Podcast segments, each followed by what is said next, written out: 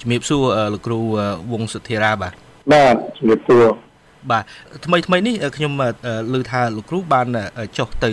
គេហៅថាសិក្សាក៏ដូចជាមើលសាលាចរិតដែលរកឃើញ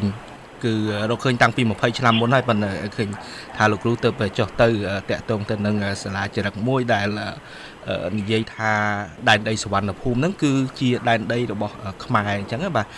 លោកអាចបញ្ជាក់តិចបានទេអាចតាក់ទងដំណើរដើមតងរឿងហ្នឹងតិចបានទេបាទបាទវាមានសាលាចរិតមួយហ្នឹងគុណសិស្សខ្ញុំម្នាក់គាត់មករៀនខាងវគ្គគ្រូនៅខេត្តកំពង់ស្ពឺហ្នឹងគាត់ប្រាប់ខ្ញុំ គាត់សួរខ្ញុំថាលោកគ្រូដែលទៅលេងវត្តមួយឈ្មោះវត្តផ្ដាច់គង់នឹងដែរអត់ខ្ញុំថាដែរទៅទេហើយគាត់ថាខ្ញុំធ្លាប់ទៅលេងមានសាលាចរិត2ខ្ញុំឃើញសាលាចរិត2ទាំងនៅក្នុងហើយខ្ញុំក៏អត់ច្បាស់ដែរមិនដឹងថាសាលាចរិតថ្មីឬចាស់ព្រោះវានៅលើដីហើយណាហើយនិស្សិតដែលប្រាប់ខ្ញុំហ្នឹងគាត់ឈ្មោះវាងពុទ្ធីជាស្រីឯងហើយអឺ កាលពីថ្ងៃ22ខែធ្នូហ្នឹងខ្ញុំបានមានឱកាសពេលត្រឡប់ពីប្រជុំនៅឯខេត្តកពតវិញហ្នឹងខ្ញុំឆ្លៀតទៅរកវត្តគិរីស្ដេចគង់ហ្នឹងបានឃើញហើយក៏ប្រទះនឹងសាលាចរិតហ្នឹងអឺនៅពេលដែលខ្ញុំសួរអ្នកស្រុកសួរអីទៅហ្នឹងថាគាត់កោះបានពីក្នុងដីហ្នឹងធ្វើឲ្យខ្ញុំគិតថាសាលាចរិតហ្នឹងជាសាលាចរិតថ្មីប្រហែលជាប្រាំងអត់ដែលបានឃើញទេ ហើយដល់ពេលសុំគាត់មើលសុំអីទៅក៏ដឹងថាវាពិតជាថ្មីមែនពីព្រោះមានពាក្យថ្មីមួយនៅលើសាលាចរិតក្នុង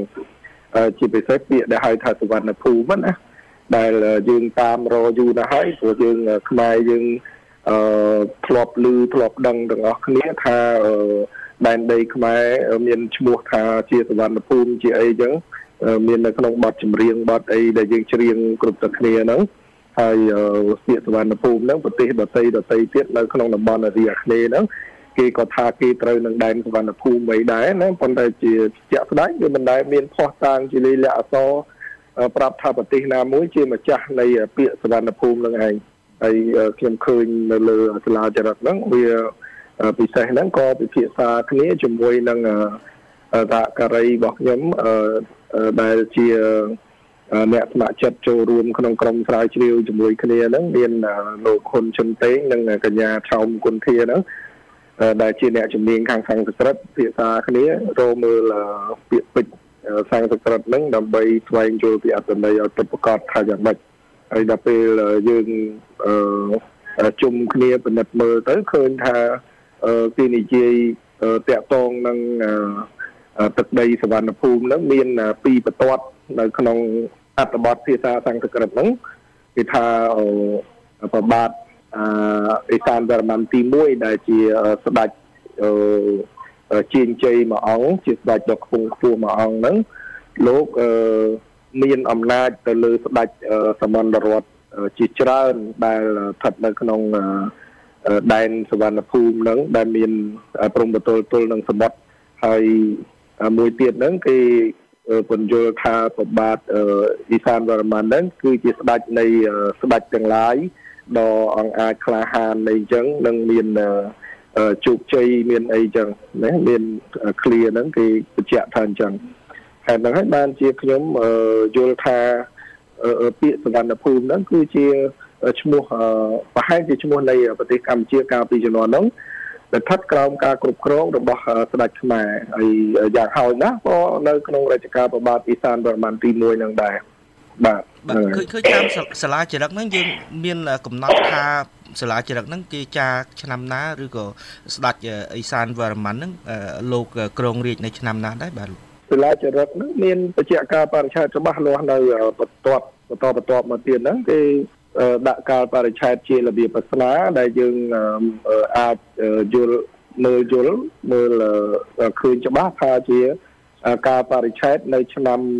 555មហាសករាជត្រូវនឹងគ្រិស្តសករាជឆ្នាំ633ខ្ញុំឃើញនឹងបកស្រាយបានតាំងពីដំបូងថាអញ្ចឹងគឺឆ្នាំ633នៃគ្រិស្តសករាជត្រូវនឹងខែចែកនៅដើមខ្នើត ប្រហែលជាថ្ងៃមកកើតខែចែកក៏មិនដឹងពីព្រោះគេប្រើពាក្យថាសីដានតិណាសីដាតិ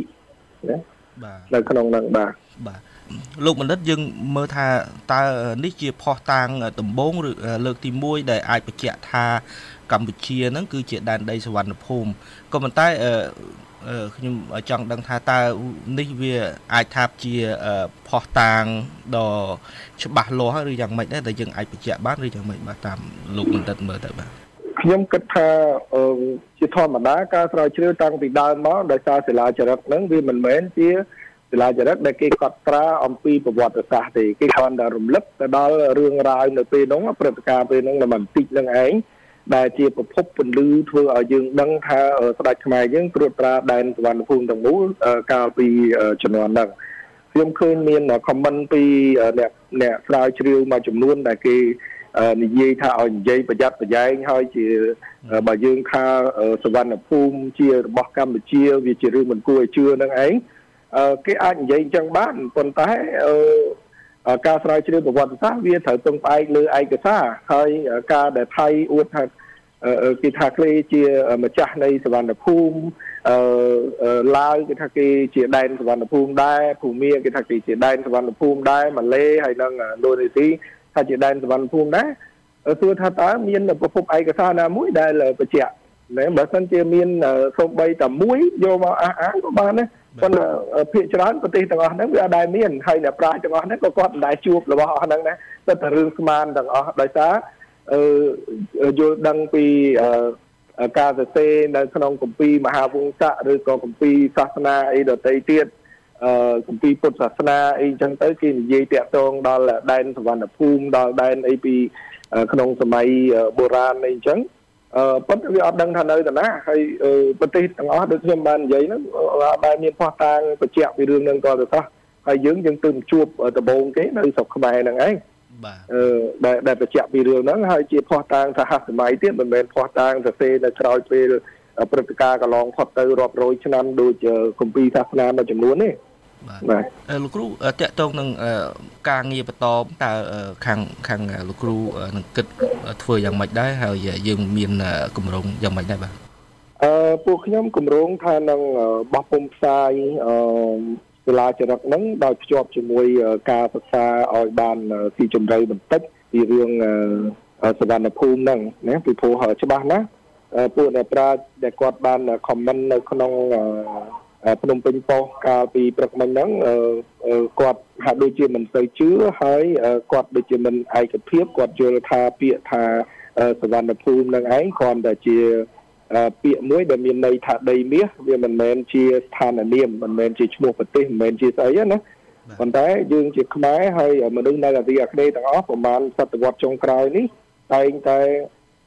យល់ថាពាក្យសវណ្ណភូមិនឹងគឺជាឈ្មោះប្រទេសគឺជាឈ្មោះដែនដីនៅទីកន្លែងហ្នឹង ហើយហេតុដូច្នេះសម្រាប់ខ្ញុំខ្ញុំនៅតែប្រកាន់ថាជាឈ្មោះនៃប្រទេសកម្ពុជាឬក៏ឈ្មោះនៃដែនដីដ៏ធំមួយ ដែលគ្របដណ្ដប់នៅតំបន់អាស៊ីអាគ្នេយ៍នៅសម័យបុរាណដែលអ្នកបញ្ជាទៅលើដែនដីសវណ្ណភូមិហ្នឹងគឺជាស្ដេចខ្មែរបាទបាទ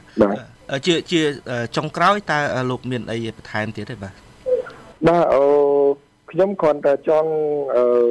បញ្ជាក់ថាមនុស្សម្នាក់ម្នាក់ជាប្រទេសអ្នកស្រាវជ្រាវម្នាក់ម្នាក់ជាប្រទេសអ្នកស្រាវជ្រាវបរទេសអីហ្នឹងគឺតែងតែមានយោបល់ខុសៗគ្នាហើយខ្ញុំក៏ស្វាគមន៍ដែរការដែលមានយោបល់ខុសៗគ្នាអញ្ចឹងច្រើនហើយអាចឲ្យយើងពង្រីកនៅគំនិតសម្រាប់គិតពិចារណាលើបញ្ហាអ្វីមួយឲ្យបានកាន់តែទូលំទូលាយឡើងបាទខ្ញុំសប្បាយចិត្តដោយសារមានអ្នកចូលរួមមតិច្រើនកន្លងមកនៅពេលដែលខ្ញុំបានផ្សព្វផ្សាយពី ការរកឃើញពាក្យសវណ្ណភូមិនៅលើសាលាចរិតថ្មីមួយនេះឯងបាទបាទអញ្ចឹងអរគុណច្រើនសម្រាប់ពេលវេលាបាទបាទបាទអរគុណច្រើនលោកបាទបាទជម្រាបលា